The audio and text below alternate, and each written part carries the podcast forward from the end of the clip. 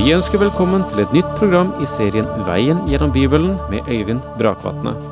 Denne studieserien er produsert av P7 Kristen Riksradio og bygger på serien Through the Bible av Vernon McGee. I dag fortsetter vi med første Johannes brev.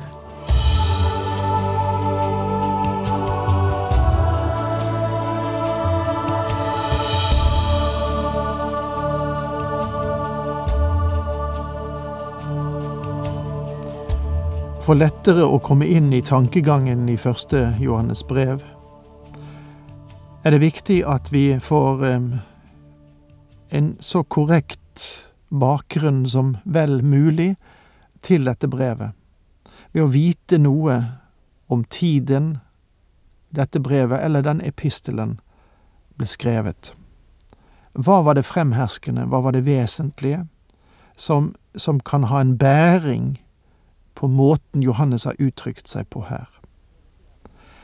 Sist pekte jeg på fire forhold som eh, jeg tror er bestemmende, var bestemmende i Efesos, og også i den øvrige del av den romerske verden. For det første at det rådet et gammelkjent forhold til kristendommen. Nå var det den første vekkelsens eh, barn, for ikke å si barnebarn, som var i ferd med å komme inn eh, på scenen. Og de hadde et helt annet forhold til dette. Det andre som jeg pekte på, var den høye standard som kristendommen proklamerte, og som hadde gjort de kristne annerledes. Men så skjer det at barna og barnebarna til disse første kristne, de vil ikke være annerledes. Og dermed er vi inne i et helt annet spenningsforhold. Det tredje var at i den første kristentid kunne vi betrakte forfølgelse som kristendommens fiende. Kanskje nummer én. Men faren for menigheten i Efesos var ikke forfølgelse fra utsiden, men forførelse fra innsiden. Det foregikk en omdanningsprosess av selve det kristne innholdet. Og det fjerde, eh, som jeg pekte på sist, var at gnostisismen ble nå, når denne epistelen skrives, kristendommens virkelige fiende. Eh, det, det bærende, det primære prinsipp som løp gjennom filosofien gnostisismen, var at materien eller det materielle var i bunn og grunn av det onde. Det var bare ånden som var god. Og eh, hele den materielle verden, den, den måtte vi bli kvitt, overvinne på sett og vis. Og det var to skoler som hadde hver sin vei for å overvinne dette materiellet. Den ene sa at vi må undertvinge det materielle. De gjorde de med stor og sterk selvdisiplin og veldig stramme lover, og det var stoikerne.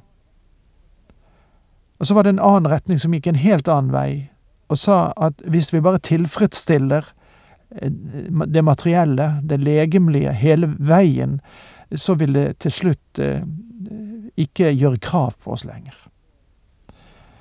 Og så ble dette livslysten, for ikke å si livsutsvevelsens retning. Og mellom disse to um, ekstreme oppfatninger, stoisisme og epikurisme, som vel å merke begge fornektet Jesus som Messias, lå der mange andre forhold. Og jeg tror at Johannes hadde hele dette tankesystemet eh, for seg når han skrev i, eh, i, i, denne første epistelen sin, kapittel 2, vers 22 slik, Og hvem er løgneren, om ikke den som fornekter at Jesus er Kristus? Han er Antikrist, han som fornekter Faderen og Sønnen. Altså, de avviste inkarnasjonen for Gud kunne aldri ha tatt på seg et menneskelig legeme fordi alt kjød er ondt. Og Derfor underviste Johannes så klart når han sier i sitt evangelium, kapittel 1, vers 14, og ordet ble menneske, eller kjød, som det står i den gamle oversettelsen, og tok bolig iblant oss, og vi så hans herlighet, den herlighet som den enbårne sønn har fra sin far, full av nåde og sannhet. Og i sin epistel skrev han, Guds ånd kjenner dere på dette. Hver ånd som bekjenner at Jesus Kristus er kommet i kjød og blod, er av Gud, men enhver ånd som ikke bekjenner Jesus, er ikke av Gud. Det er antikristens ånd, som dere har hørt skal komme, og den er allerede nå i verden.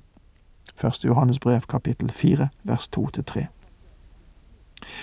Den såkalte doketiske gnostisismen, som anså inkarnasjon umulig fordi Gud ikke kunne binde seg til noe ondt som et legeme, lærte at Jesus bare tilsynelatende hadde et legeme, men faktisk hadde han ikke det.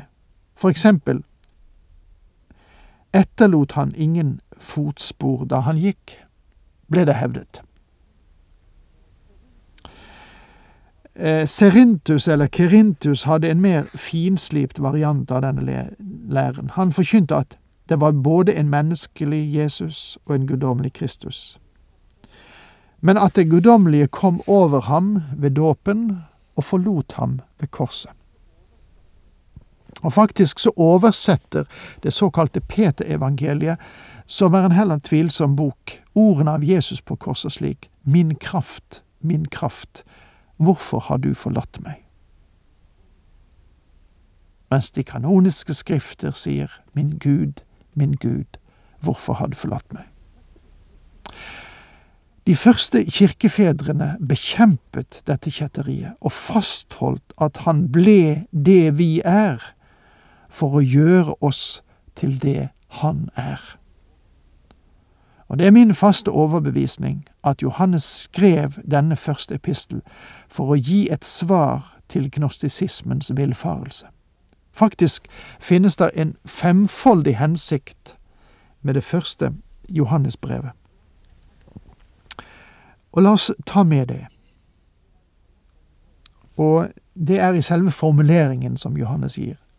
Den første årsak eller hensikt med første Johannes brev eh, finner vi i kapittel 1 vers 3, der det står For at dere skal ha samfunn med oss, vi som har samfunn med Faderen og Hans Sønn Jesus Kristus. Den andre hensikt, det er vers 4. For at vår glede skal være fullkommen. Den tredje hensikt med brevet møter du i kapittel 2 vers 1. For at dere ikke skal synde. Den fjerde hensikt, kapittel 5 vers 13, for at dere skal vite at dere har evig liv. Og den femte hensikt, det er eh, også vers 13 i det femte kapittelet, for at dere skal tro på Guds sønns navn. Første Johannes brev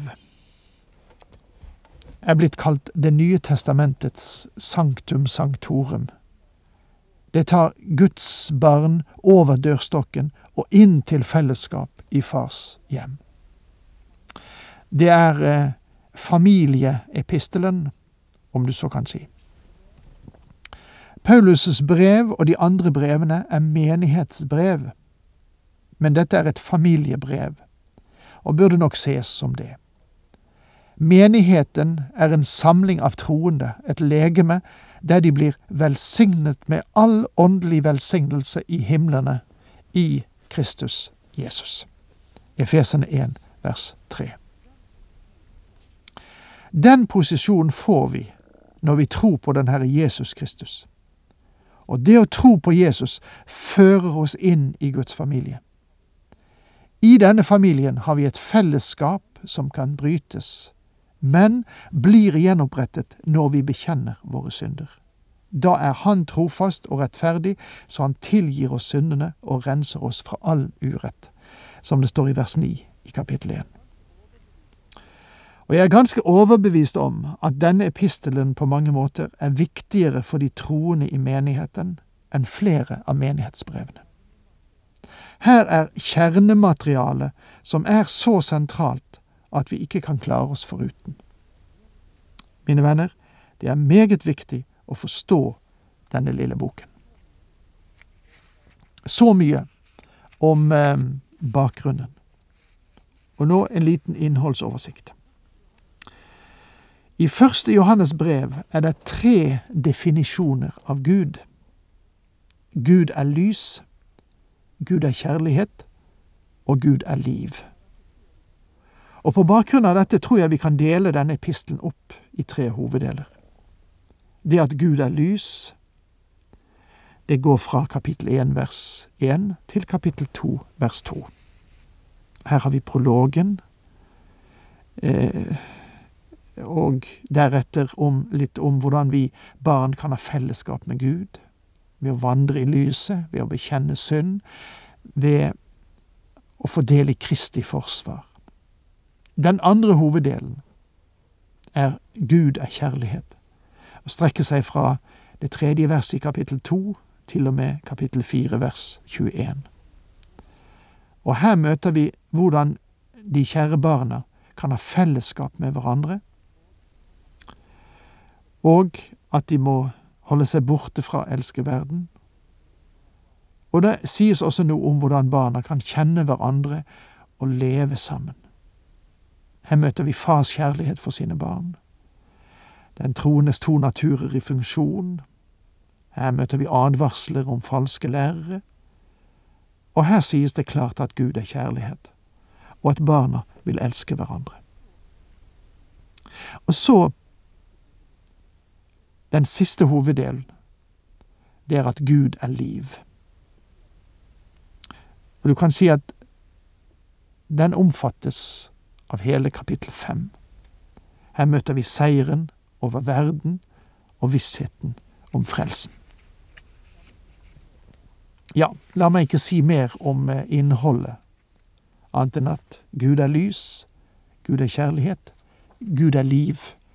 Og det er de tre store temaene i denne epistelen. Så til eh, kapittel én. Og her er vi under hovedtittelen Gud er lys. Og her møter vi først prologen i denne epistelen. Og deretter skal vi se hvordan barna, som Johannes, Johannes kaller de troende, kan ha fellesskap med Gud. Og som jeg nevnte i introduksjonen, så skrev Johannes for å møte den første kjetterske holdningen som fikk inngang i menigheten, nemlig gnostisismen. Og gnostikerne roste seg av en superkunnskap. De aksepterte Jesu guddom, men fornektet hans menneskeside. Og legg merke til hvordan Johannes vil peke på den sanne gnostisisme, om du kan si det slik, den sanne kunnskap om Gud. Det som var fra begynnelsen, det vi har hørt, det vi har sett med våre øyne, det vi så og våre hender tok på, om det bærer vi bud om livets ord. Her er en kompakt introduksjon til det Johannes har å si, men den får vi løse opp og ta for oss når vi møtes igjen neste gang, for tiden er faktisk ute. Takk for nå. Herren med deg.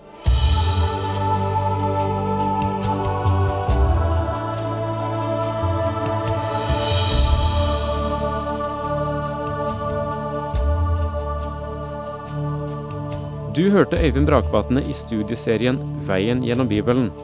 Serien bygger på et manus av Vern McGee. Har du spørsmål eller kommentarer til programmet, kan du sende en e-post til vgb krøllalfa p7.no. Takk for i dag, og på gjenhør.